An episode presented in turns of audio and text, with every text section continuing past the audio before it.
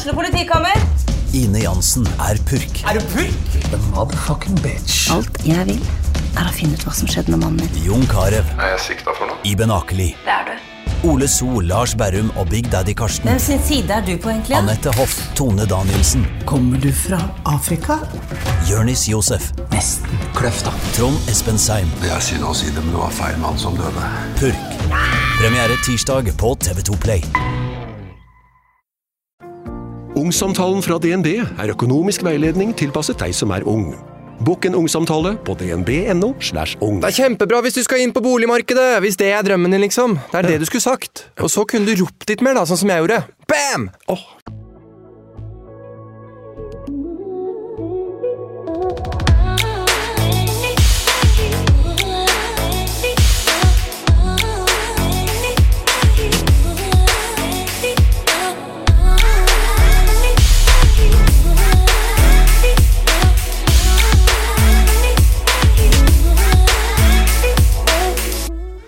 Noe av det jeg er aller mest redd for, er å miste noen av de jeg er skikkelig glad i. Når jeg tenker meg om, så tror jeg kanskje at det er det jeg er aller, aller mest redd for i hele verden. Enten i kanskje en ulykke eller av sykdom. Kanskje av kreft, for kreften skremmer meg, sånn skikkelig. Jeg tror alle enten kjenner eller vet om noen som har vært eller er rammet av kreft. Og i oktober vil jeg snakke med forskjellige mennesker om hvordan det er å leve med kreft, hvordan det er å jobbe med kreft, hvordan det er å være pårørende til en som er syk, hvordan det er å miste noen til kreften. I dagens episode av podkasten min så møter jeg Ida. Ida er 26 år gammel, og hun har eh, uhelbredelig livmorshalskreft. Ida er et levende eksempel på at det kan være for sent å vente med å sjekke seg når man er 25 år gammel. Det tok akkurat én måned fra 23 år gamle Ida ble nektet celleprøve av livmorshalsen til hun fikk diagnosen livmorshalskreft. Og hvordan er det egentlig å få beskjed om at du har kreft? Hvordan forteller man det til sine nærmeste? Hvordan er det å introdusere en kjæreste for kreft? Og hvordan er det egentlig å vite at man skal dø, at man ikke kan gjøre noe som helst med det? Velkommen, Ida. Jo, takk. Takk for at du ville komme til meg. Veldig hyggelig å få lov til å komme hit. Jeg er veldig glad for at du vil komme hit og dele din historie med oss. Hvor eh, er det du kommer fra, og hvem er du?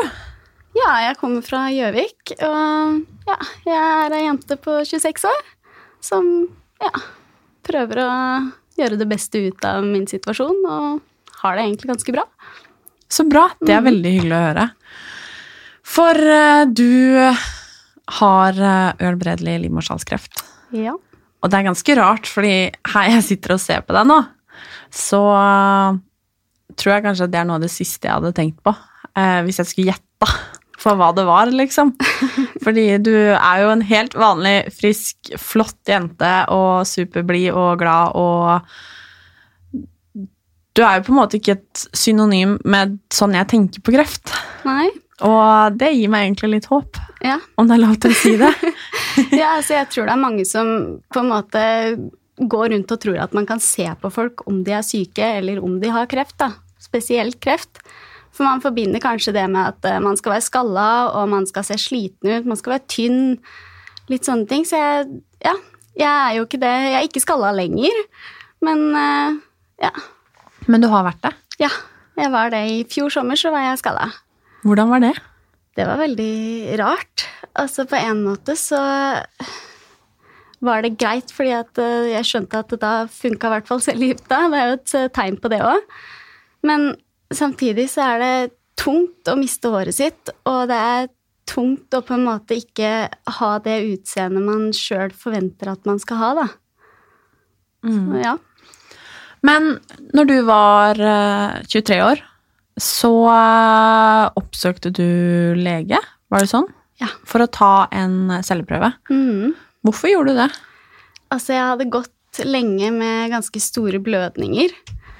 Uh, ja, det var Mensen er liksom bare en liten lek i forhold til de blødningene jeg hadde. Det var Når jeg sto opp om morgenen, så kom det en, rett og slett, det hørtes skikkelig ekkelt ut, men det kom et ordentlig sånn masse koagulert blod.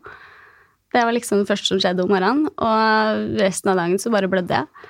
Så da var det sånn at det er greit, nå må jeg til legen. Og jeg hadde jo mistanken når jeg kom dit, så jeg spurte om jeg kunne få en celleprøve. Og ja, det fikk jeg ikke. Jeg fikk beskjed om at det var en ja, hormonfeil, da. Så, mm, så ikke noe celleprøve der. Men, så selv om du spurte om å få ta en celleprøve, så nekta legen for det? Legen sa jeg var for ung for å kunne ha livmorhalskreft. Så ja. Hva gjorde du da? Nei, altså på en måte så slo jeg meg bitte litt i ro. For det var sånn der når legen sier det, da Man stoler jo på det legene sier. Så ja Syns jo det egentlig var litt sånn greit å høre. Men jeg klarte jo ikke helt å tro på det. Og da var det jo også første gangen jeg sa til familien hjemme at du, jeg har litt mistanke, og fikk egentlig beskjed i dag om at det ikke var noe. Så da var det greit. Og da hadde jeg heldigvis ei mor som bare hoppa opp og bare 'Du skal oppsøke gynekolog'. Og um, det fikk, gjorde jeg jo da. Og um, mamma var skikkelig på, og bare det skulle hun betale, og det skulle hun virkelig gjøre. Så jeg dro til gynekologen, og der var jeg i fem minutter, tror jeg, og fikk beskjeden om at jeg hadde kreft. Mm. Hvordan var det? Det Altså, det som Jeg husker det ikke så godt, egentlig. For jeg husker jeg lå i, i den gynstolen. Og så sier han til meg at, har, at han hadde én god og én dårlig nyhet til meg. Og det ene var at eh, eggstokkene mine var fine, men at han så en stor svulst. Og det her er kreft. Og Det er liksom det jeg husker sånn. Og så har jeg på en eller annen måte klart å komme meg opp fra den stolen og kle på meg og sette meg igjen. Og da hadde, altså jeg hadde skoa i hånda. Det la jeg merke til sånn ti minutter etterpå. Jeg tror jeg egentlig var, gikk rett i et sjokk. Samtidig som at det var litt godt å få høre det òg, fordi at jeg hadde hatt en mistanke. Og ja. Hva var liksom det neste du gjorde da? Du hadde nettopp fått vite at du har kreft, og da visste du ikke at den var uhelbredelig. Nei. Eh, første runden så var den jo på en måte ikke uhelbredelig heller. Så, men eh, jeg fikk jo beskjed om å ringe mamma. Skjønte jo ikke hva jeg skulle si. Hva sier man til mamma, liksom? så jeg fikk bare beskjed om at jeg skulle ringe hun og få hun ned til gynekologen. Så heldigvis så var det han som fortalte det til mamma. Sånn at det var flere enn meg som hadde fått informasjonen. Men eh, ja. Hvordan reagerte moren din? Altså, Mamma er jo verdens tøffeste dame. Så hun gikk jo hun gikk rett inn i en sånn der morsrolle som skulle forsvare dattera si. Så jeg satt der og Ja, hva gjorde jeg? Jeg satt der jeg tror ikke jeg fulgte med engang. Jeg tror jeg bare var helt ute. Mens hun stilte spørsmål, fikk framgang, og det var liksom Ja. Hun er beinhard. Skikkelig bra mamma, ja, rett og slett. Rett og slett. Men du får vite om dette her. Um, moren din vet det. Hva er på en måte neste steg da? Hva skjer med behandling? Hva Jeg vil jo tro at livet raser litt uh, sammen. Ja, altså, det gjorde jo det. Altså, det, sånn, det verste med alt var jo å fortelle det til alle andre. Men sånn behandlingsmessig så blei det masse undersøkelser. Jeg måtte først så Nå husker jeg ikke hva det heter for noe, men Det går bra. ja. måtte det en undersøkelse på Hamar. Rektoskopi var det. For å sjekke om det hadde vært noe spredning til tarm. Jeg var på Jeg ble etter hvert innkalt på Radiumhospitalet, og der var det MR, og jeg var i PET-scan. Jeg var i ja, gynekologisk undersøkelse i narkose. Og ja, det, alt det måtte, måtte, man på en måte gjennom før man kunne vite hvilken behandling jeg skulle ha. Da. Så ja. Og hvordan behandling fikk du da? Eh, første gangen så hadde jeg da cellegift og stråling. Så da hadde jeg Det jeg fikk, var til slutt tror det var nærmere 30 strålebehandlinger. Der jeg hadde stråling fra mandag til lørdag. Og cellegift på tirsdager. Pluss at jeg hadde fire innvendige strålinger. Hva gjorde det med for det første kroppen din, men også deg? Altså, når jeg fikk beskjeden om alt jeg skulle gjennom, så var jeg litt sånn der at eh, det her må jeg bare gjennom. Så der var det på en måte sånn derre det, det var greit sjøl om det var kjipt. Men det har jo forandra kroppen min ganske så mye i ettertid. Det er jo Strålinga har jo på en måte fått meg i en tidlig overgangsalder. Og overgangsalderen gjør jo mye med kroppen. Jeg husker da jeg var, begynte å bli ferdig med strålinga, så svetta jeg så fælt. Jeg lå på sjukehuset og bare Å, herregud, hva er det her for noe? Da kom det en lege inn som bare lo av meg og bare Dette er overgangsalderen din, da. Og jeg bare Ok. Men når Altså, kan man for eksempel Eller kan du for eksempel bli gravid? Nei, det kan jeg ikke. Nei. Jeg har eh, Ja. Det de sier, er at eh, livmora mi kan på en måte Jeg husker ikke hva de sa igjen, men livmora mi er vissen, rett og slett. Hvis det hadde vært noe der, så hadde den bare visna. Men jeg kan jo ikke bli gravid i utgangspunktet heller. Så eh, ja. Det er en tøff beskjed å få. Og det er liksom noe som på en måte blir rivd fra deg. Det er, ja, i hvert fall den alderen jeg er i nå, så er det jo Folk rundt meg blir jo gravide. Og man får en sånn påminner på det omtrent hele tida. Og den er ganske tøff. Hvordan er liksom hverdagen og livet ditt nå? Den er egentlig sånn Akkurat nå så går det veldig fint. Men hverdagen min, den er jo ganske lik alle andres hverdag, vil jeg si. Det er eh, Jeg jobber ikke fordi at jeg blir fort sliten. Og eh, ja, det er vel egentlig det som skiller meg mest fra mange andre sin hverdag, at jeg ikke er på jobb. Men jeg får jo til sosiale ting. Det gjør jeg. Og det som på en måte er størst med kreften sånn, det er jo at jeg må på kontroller. Og det er for meg hver tredje måned.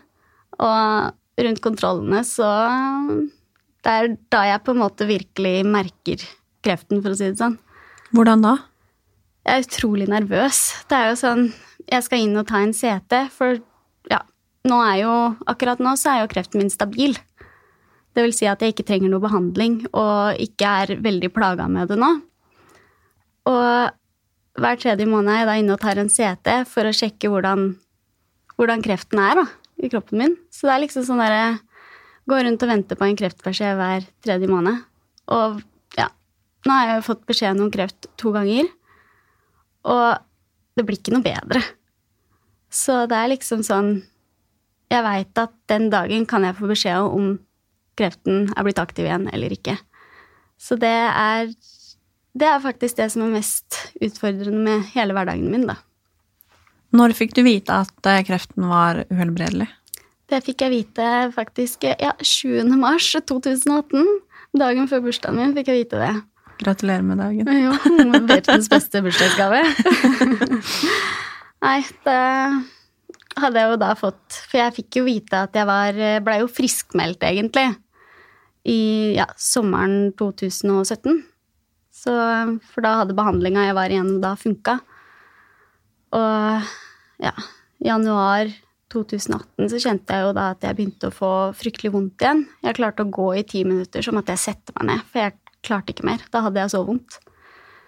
Og prøvde jeg å finne ut av hva det var, og da var det jo ja, inn på nye sjekker med PET-scan og CT og MR og hele pakka. Og da fikk jeg vite på svaret av alt det at kreften var uhelbredelig. Hvordan tar man en sånn beskjed? Ja, hvordan gjør man det? Man må bare ta den, rett og slett. Eh, Jeg husker at jeg var forberedt på at jeg skulle få ha et tilbakefall, og at kreften var tilbake. Det var jeg forberedt på, fordi på en eller annen måte så bare skjønte jeg det. Men sånn de sa det til meg, så var det sånn at eh, Ida, nå er kreften din tilbake, og nå må du lære deg å leve med det. Og det var sånn Hvordan lever man med det, egentlig? var liksom et av de første spørsmålene mine på en måte.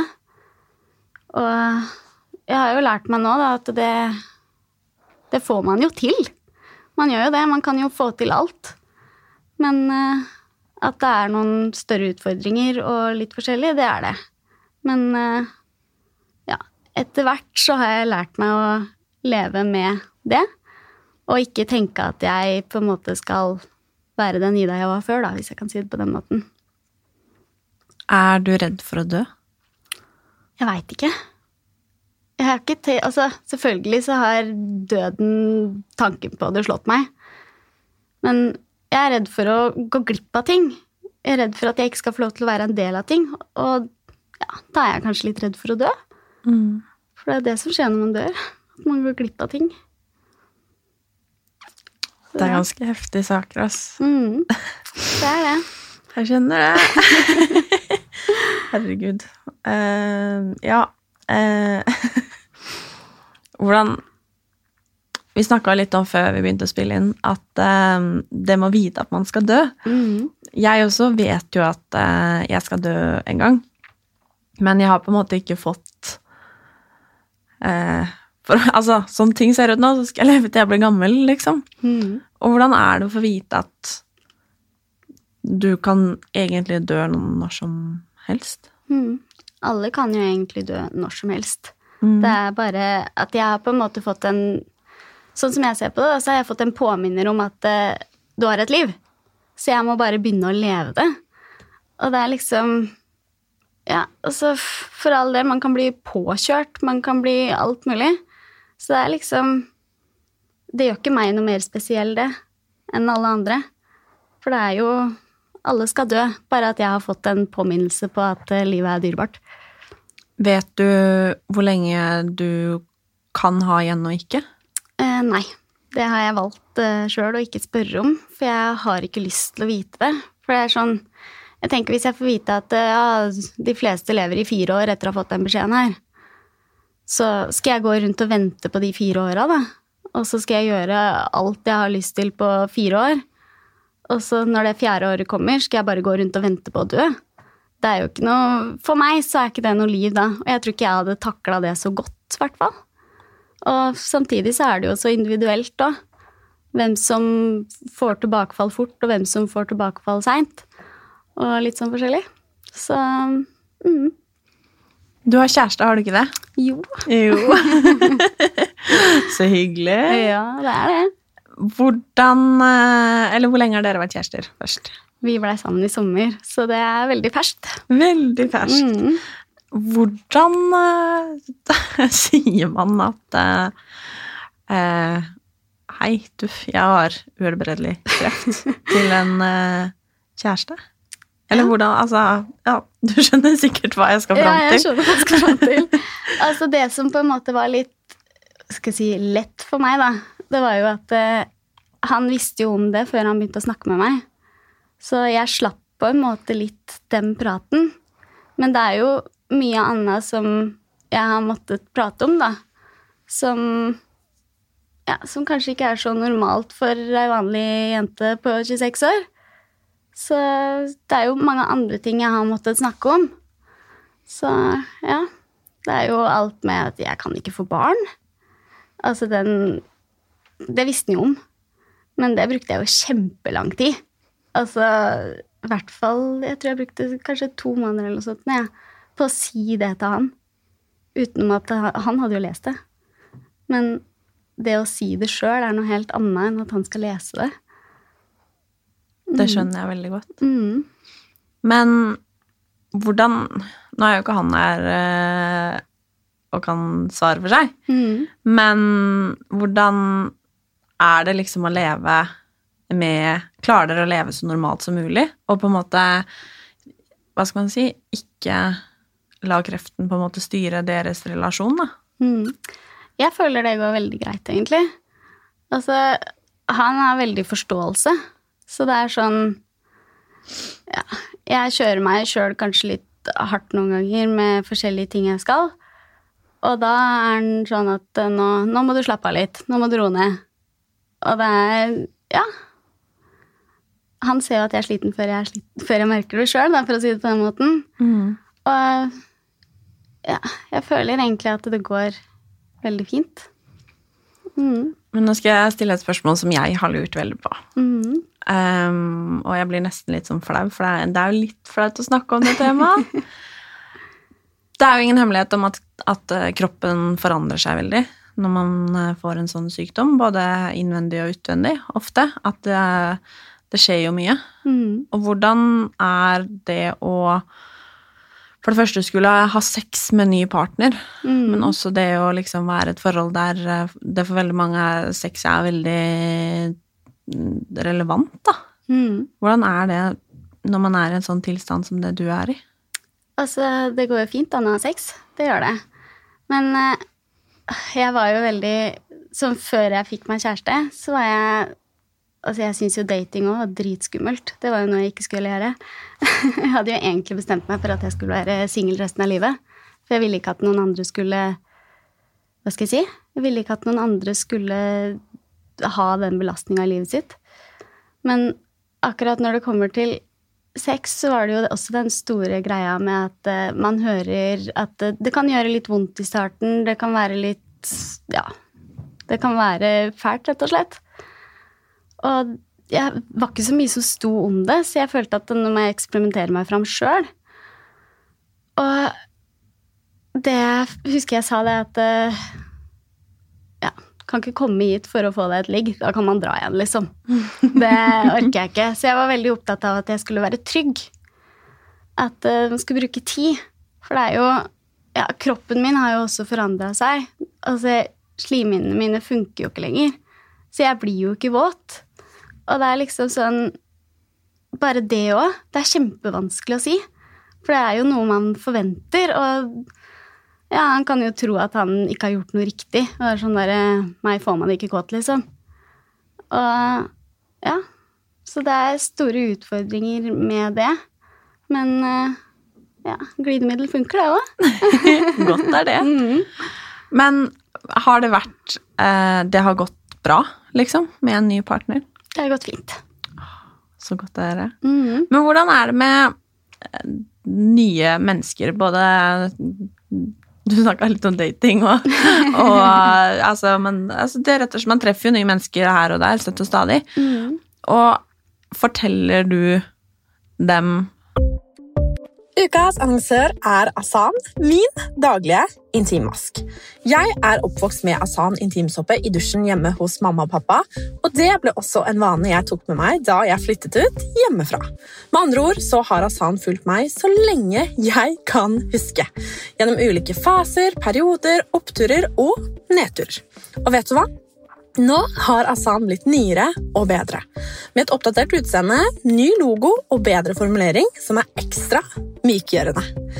Den inneholder naturlig melkesyre for å bidra til å opprettholde den naturlige pH-balansen i intimområdet vårt. For visste du at sterk parfymerte såper kan forstyrre pH-balansen i underlivet? Intimsåpene fra Asan har en kremet konsistens som gir en behagelig følelse etter vask, og de har intimprodukter for å passe alle og enhver for at du skal kunne ta vare på balansen. at nei, jeg er Tida, jeg har kreft? Eller prøver du å unngå det? Eh, Det kommer helt an på hvilken setting jeg er i. Altså Hvis jeg møter noen på en måte ja, Møter folk for å bli kjent med de, da, så er jeg jo helt ærlig. Men sånn når jeg er på fest, så ljuger jeg skikkelig mye. Da er det på en måte sånn Da kan jeg sette meg ned og ha et helt annet yrke enn det jeg er utdanna som. Jeg kan sette meg ned og bare Ja, hvem er det som bryr seg om det uansett, liksom? Og det er sånn Hvis jeg setter meg ned på fest og skal snakke med noen og bare Hei, du, jeg heter Ida, jeg har uhelbredelig kreft. Det er sånn Da blir du festens midtpunkt, i hvert fall. Men ikke på den måten jeg ønsker. Nei. Og det er sånn Skal jeg sitte der i en halvtime da, og snakke om kreft, og kanskje høre en familiehistorie om kreft? Høre hvem som har vært ja, hvem som har hatt kreft, og hvem som er berørt av kreft, og alt mulig. Det er sånn Det er ikke derfor jeg drar på en fest. Jeg har lyst til å ha det koselig, så jeg ja, rett og slett ljuger og sier masse annet. Og jeg tenker det at eh, jeg tror de fleste skjønner det. Hvis jeg skulle bli tatt i løgnen min, så skal jeg stå for det. Det er null problem. Hva pleier du å si, da? Nei, altså Den drøyeste jeg har dratt, det er jo at jeg har vært advokat. Det er jo absolutt ikke. Ja, men det er lov å late nei, som. Så det er sånn paragraf. Da hadde jeg løpt hvis noen skulle begynt å snakke om det, for det kan jeg jo ikke i det hele tatt. Men eh, altså, det var sånn Da sa jeg nei, Ide, jeg jobber som eh, advokat. Og da var det sånn Å ja, kult. Ferdig. Så det er sånn, man legger jo ikke noe mer i det uansett. Så jeg tenker at det, det er greit. Da kan jeg heller få lov til å bare være, være Ida. Men er du redd for å være hun som har kreft? Eh, både ja og nei. Altså, jeg, har jo på, jeg er jo åpen om sykdommen min, så det at noen sier det, det gjør meg på en måte ingenting. Men blant vennene mine så er jeg kanskje redd for å være det. Jeg er redd for at jeg skal bli huet med kreft. Men eh, ja, vennene mine behandler meg ikke sånn, så da er det på en måte greit. Men det er kanskje det jeg er redd for å være huet med kreft der. Men snakker dere noen gang om f.eks. for eksempel du og kjæresten din, snakker dere noen gang om hva om Hva når du dør, liksom? Hva om Er kjæresten din redd for det? Tar han hensyn til det? Har han på en måte vurdert om det er noe han vil utsette seg selv for? Har dere snakka om disse tingene? Eh, altså, jeg snakker veldig lite om akkurat det, men det er fordi at det er ikke en tanke som slår meg så veldig mye heller. Og kjæresten min har heller ikke sagt så veldig mye om det. Eh, jeg husker at jeg stilte han spørsmålet ganske tidlig. Med at eh, hvorfor vil du Ja, når vi bare er i en datingfase, hvorfor vil du date meg? Og ikke ei som er frisk. Det er jo så mye lettere. Men eh, ja. Det var det samme av det sånn sett, egentlig. For det var liksom Ja. Han ville bli kjent med meg, da. Så det er jo tidenes kompliment, det. Det vil jeg tørre å si, fordi Mhm. at eh, Ja, det fins bare én Ida, da. Ja. Frisk eller syk. Det jeg kan ikke finne en annen som deg, vet du. Men eh, vi snakka litt om Tinder Ja. før vi begynte å spille inn. Ja. Eh, hvordan Apropos det å møte nye mennesker, liksom. Mm. Eh, altså Har man skriver man i bioen sin da? altså, hvordan går man fram da? Nei, altså, jeg laga meg jo Tinder. Det var jeg husker ikke om det var januar i år eller noe sånt. Mm. Så lagde jeg meg Tinder da sammen med, oi, sammen med flere som også hadde hatt kreft. tenkte jeg at ja, nå kjører vi på, det her må jeg prøve. Og det var ikke fordi at jeg hadde lyst på noen, men jeg hadde lyst til å bare se hvordan folk reagerte. Et lite eksperiment? Ja, det blir det. Så jeg la inn På den tida hadde jeg fått igjen litt år, så jeg la inn bilde av det. Og så la jeg et bilde av meg sjøl der jeg var helt skalla. Så tror jeg jeg skrev i bioen min noe at jeg ser bra ut skalla, gjør du? Og så ja, bestemte jeg meg bare for å være helt ærlig. Så jeg begynte å ha samtaler med Altså, jeg hadde jo ja, fra 18 til 40 var vel den alderen jeg skrev på. Så hadde jeg samtaler med mange, og så var det sånn Ja, hva gjør du på fritida? Og jeg bare Nei, fritida så er jeg med venner. Ja, hva jobber du som? Jeg bare Nei, jeg jobber ikke, jeg har kreft. Og da var det noen som sletta meg. Det var noen som ikke ville snakke med meg, og så var det noen som fortsatte å snakke med meg og på en måte dro opp sine historier og hadde en samtale fram og tilbake. Skjønner du de som eh, fjerna deg uten å svare? Ja. Hvorfor? Fordi eh, Altså, før så visste ikke jeg så veldig mye om kreft heller, så jeg tror jeg hadde blitt skremt. Så jeg, har på, jeg skjønner på en måte det òg, men med alt jeg veit i dag, så hadde jeg nok ikke gjort det. Men uh, før så hadde jeg gjort det. Så sånn sett så har jeg forståelse for det. Ja, jeg har egentlig det. Mm. Jeg tror, jeg tror liksom kreft er litt som jeg sa innledningsvis, at alle på en måte har et forhold til kreft på en eller annen måte. Mm. Og det er som jeg sier, at når jeg sitter her og prater med deg nå, så det står jo ikke akkurat kreft i panna på deg, liksom. Hadde jeg ikke visst det, så hadde jeg ikke Hadde jeg ikke gjetta det. Ikke sant? Og det er liksom Men jeg tror som Altså, kreft er så jævlig. Det er så vondt, det er så sårt. Det er, det er rett og slett et helvete. Mm. Altså, det vet jo du bedre enn noen. Mm. Og det er liksom Så jeg tror det er det folk liksom tenker på. Mm. At liksom Oi, hun har kreft. Hun eh, At det er farlig, da. Jeg vet ikke, eller at mange kanskje ikke vil utsette seg for det. At det å blitt brutalt sett kanskje ikke er så attraktivt. Nei, det er jo absolutt ikke det, og det skjønner jeg veldig godt. Det er på en måte Ja, man må jo, i hvert fall hvis man er under behandling, da, så må man jo legge om hverdagen sin ganske mye. Både den som er pårørende, og den som er syk. Så at det er attraktivt, det er det ikke i det hele tatt. Men uh, man er jo man er jo fortsatt samme personen.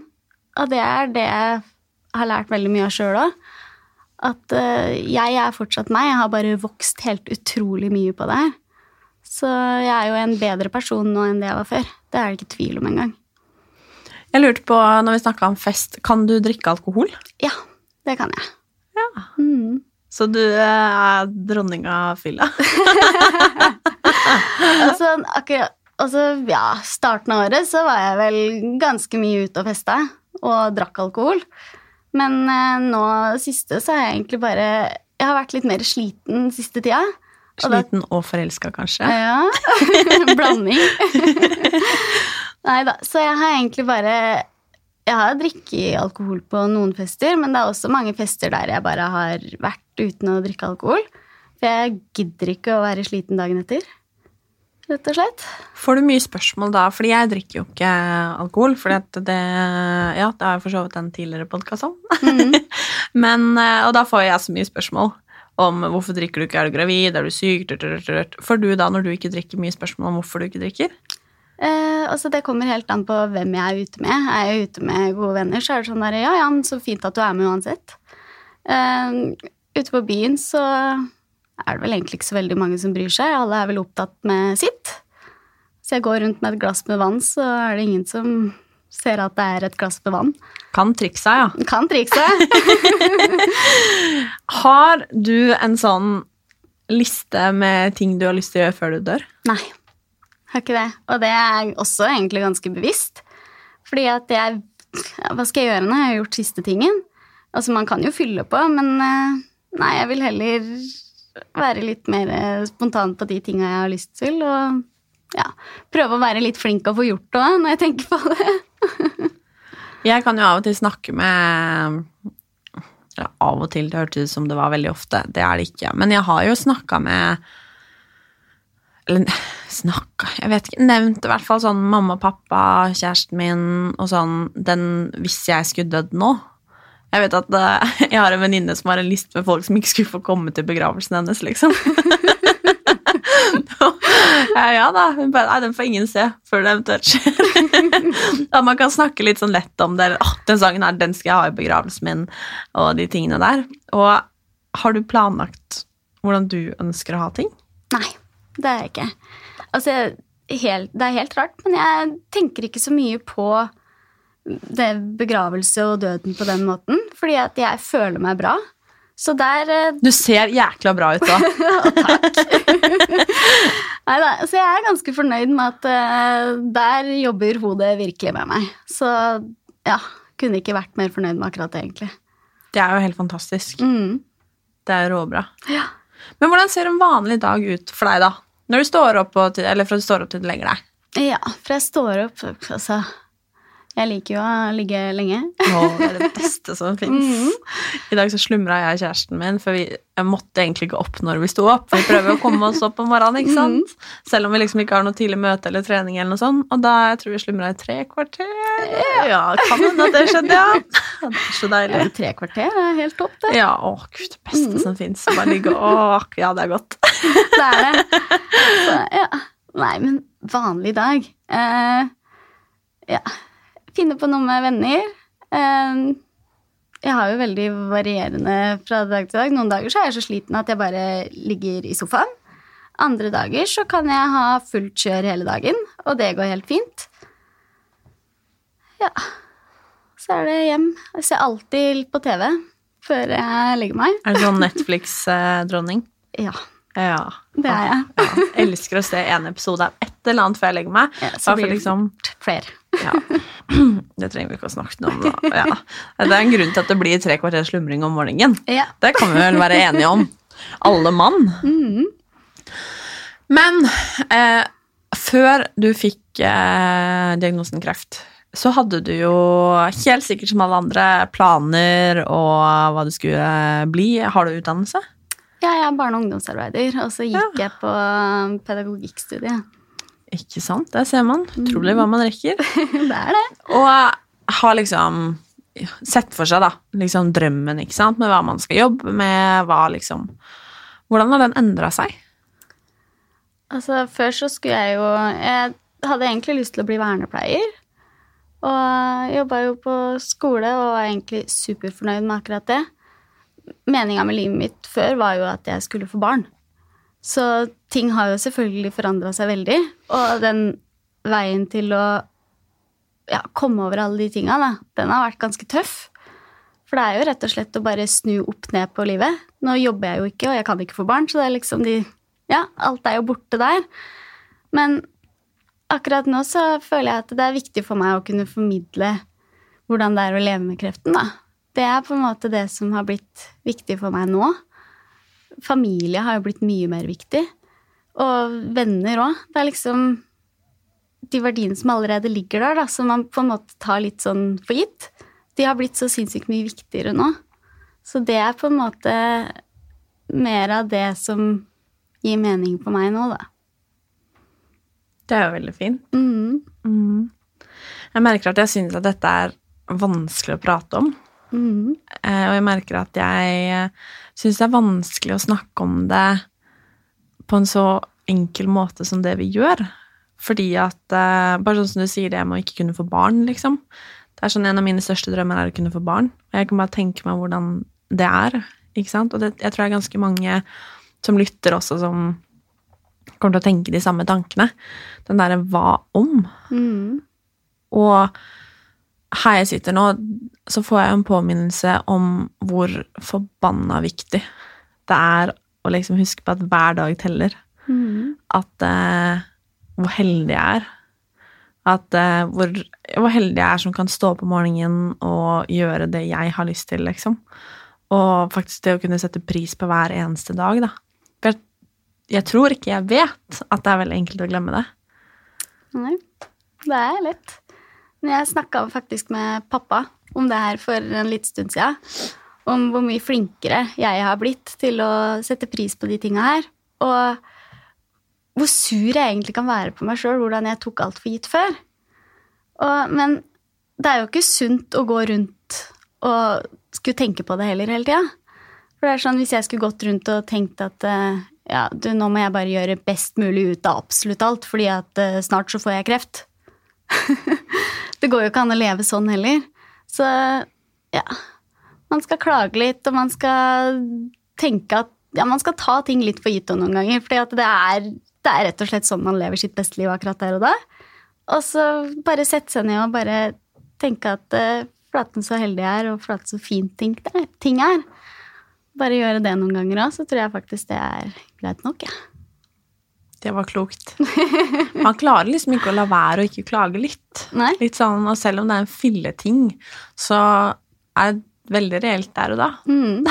Men altså, klaging er jo faktisk en av de største luksusene man har, tenker jeg da. Det at man kan klage over at uh, man har en dårlig hårdag eller sånne ting. Det er en så stor luksus at uh, man skjønner det egentlig ikke sjøl. Nei, det er sant. Mm. Der, og så kan man tenke sånn Ja, tenk på de som ikke har hår, liksom. Mm. sånn som du var det forrige sommer. Ja. Mm. Så. Men det, det lurer apropos det, fordi det er sånn Håret mitt er liksom Elsker håret mitt, liksom. Og ja, jeg har liksom tenkt sånn Herregud, jeg hadde ikke sett ut uh, uten hår, liksom. Hvordan, hvordan er det når liksom du blir så forandra? Du mister liksom manken din. Mm. Det var veldig rart. Jeg husker at håret begynte å på en måte dette av.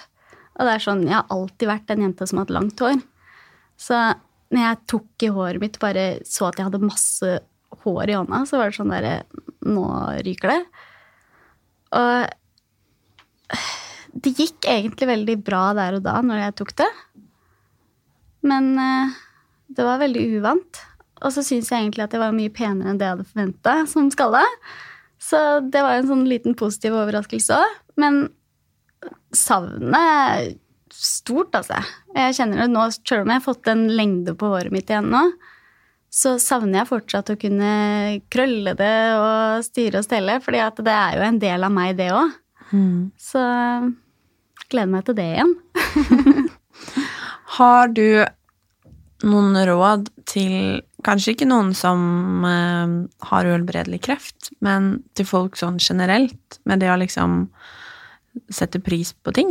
Til hun jenta som kanskje sitter og føler at ting er litt håpløst, enten om det er med sykdom eller noe i familien eller skole, venner Altså at ting rett og slett er litt kjipt og litt dritt. Mm. Har du noen råd til de, og har du noen råd til meg?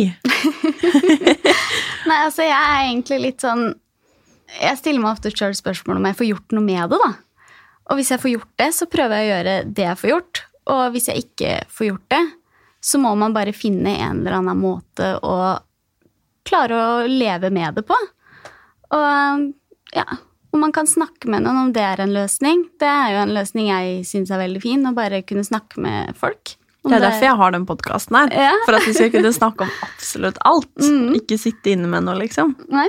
Så ja, det er vel egentlig det beste rådet man kan gi, da, tenker jeg, å kunne snakke med noen.